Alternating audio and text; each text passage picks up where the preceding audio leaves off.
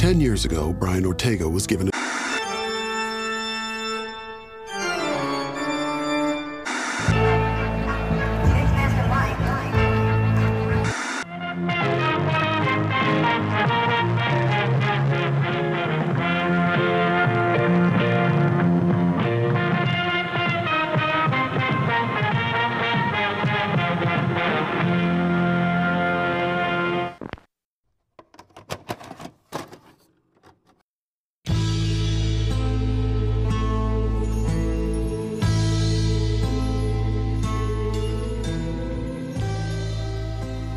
teman-teman, selamat datang lagi di Gen Z Indonesia.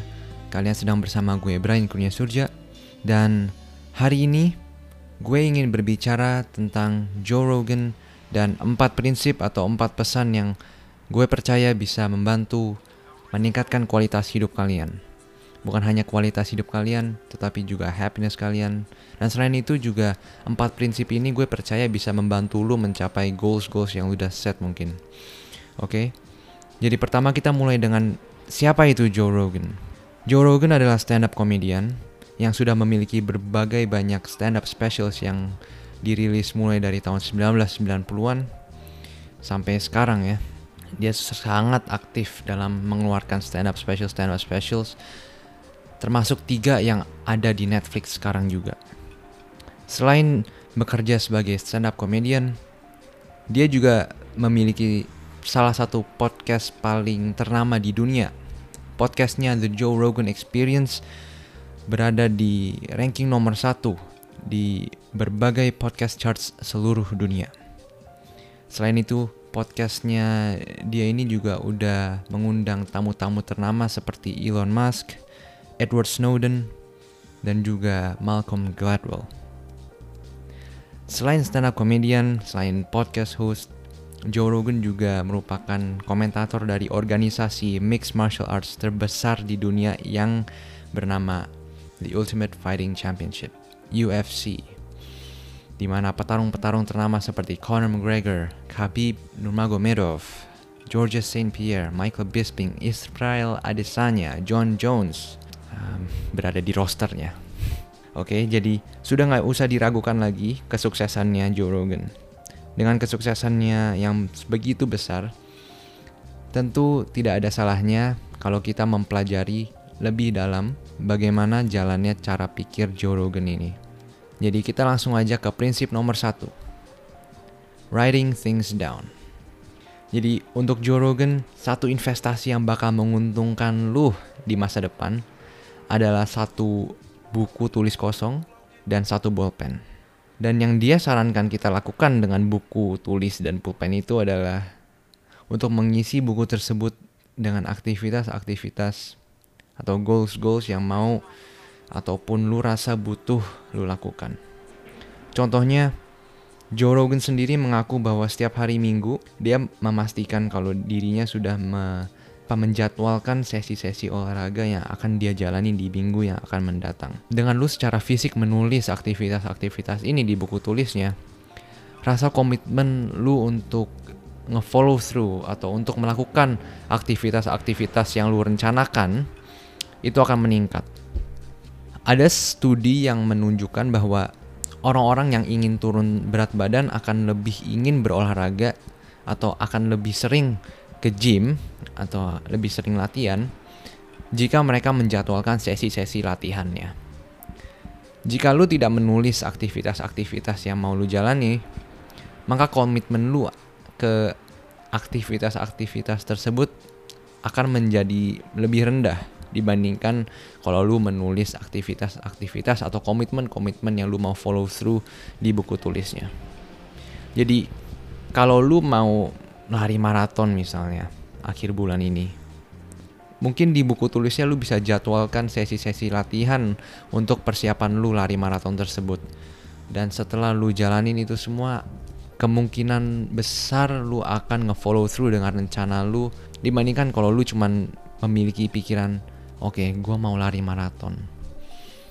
Prinsip kedua adalah makan sehat dan olahraga rutin ini satu prinsip yang bagi gue sendiri sudah membantu gue dalam berbagai aspek di hidup gue sendiri.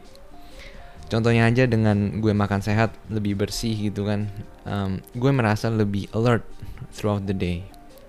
Gue merasa lebih fokus pas gue lagi ngerjain tugas atau pas gue lagi belajar di sekolah atau gue lagi ngeperhatiin guru. Dan dengan olahraga, kalau gue ada olahraga di hari itu ya, malamnya itu tuh gue tidurnya bakal nyenyak kayak bayi. Gara-gara lu di hari itu lu udah beraktivitas gitu kan. Badan lu perlu istirahat dan tidur lu lebih enak. Gue nggak usah berusaha nidurin diri tau nggak? Gue bisa tidur dengan segampang itu. Um, ya Joe Rogan bilang sendiri kalau ini adalah satu cara paling normal untuk menjaga meat vehicle tuh. Lo akan tumbuh lebih tua dan alangkah baiknya kalau lu bisa mulai rawat kesehatan lu dari sekarang biar nanti di masa tua lu bisa berterima kasih ke diri lu sendiri. Lu bakal lu bakal masih bisa bergerak ke sana ke sini di umur 80 let's say dibandingkan let's say kalau misalnya lu nggak ngerawat kesehatan lu dari sekarang mungkin lu umur 80 lu udah harus duduk di kursi roda.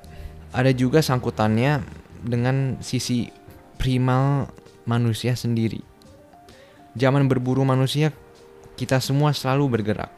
Lari, loncat, melempar untuk ngedapetin makanan. Gitu kan, untuk berburu makanan. Hari ini kita nggak butuh ngelakuin semua itu. Dan pekerjaan-pekerjaan yang sekarang ada tuh malah memaksa kita untuk duduk seharian dan melarang kita untuk memanifestasikan sisi primal dari diri kita sendiri yang sebenarnya sangat penting untuk well-being kita semua, gue percaya. Prinsip ketiga adalah not being afraid of trying new things.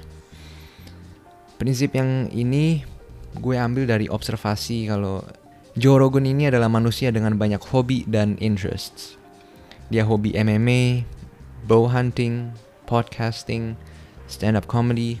Dia hebat dalam menggambar, dia sabuk hitam dalam Brazilian Jiu-Jitsu, sabuk hitam dalam Taekwondo, dan dia tidak segan-segan mengekspresikan ketertarikannya dalam hal-hal seperti astrophysics, sejarah, hewan-hewan, alam, dan science in general.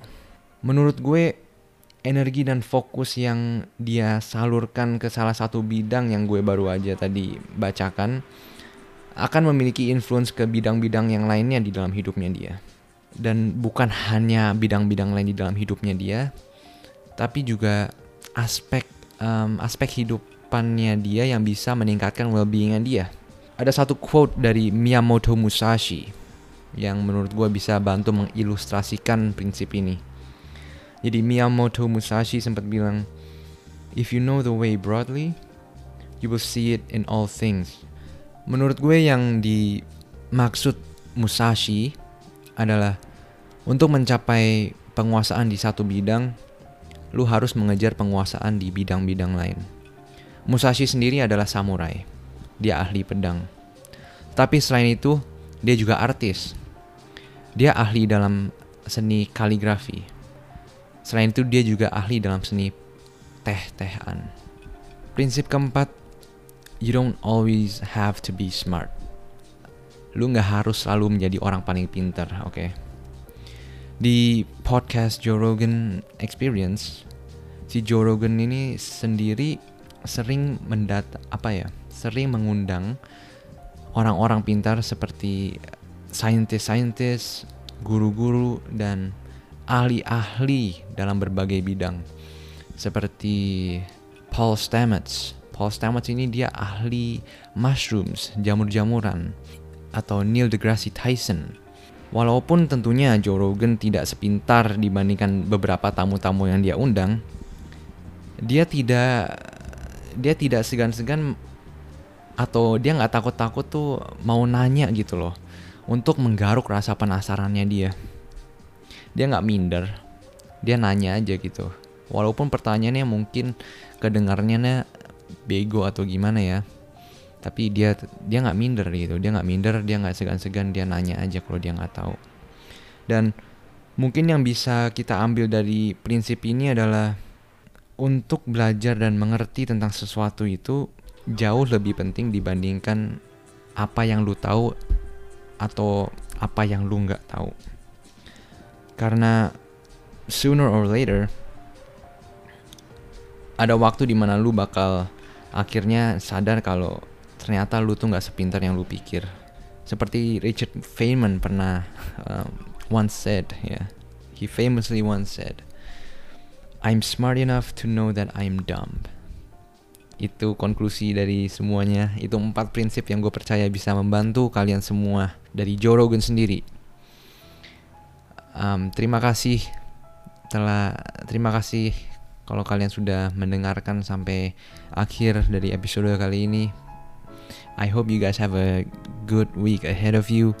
Follow this podcast for more content gara-gara gue bakal mulai menulis lebih rajin gue bakal menulis lebih gue bakal mencoba untuk mengisi setiap airtime dari podcast gue dengan sebanyak-banyaknya informasi yang menurut gue bakal berharga untuk lo karena gue menghargai waktu lu dan waktu semua orang oke okay? jadi thank you and I will see you guys in the next episodes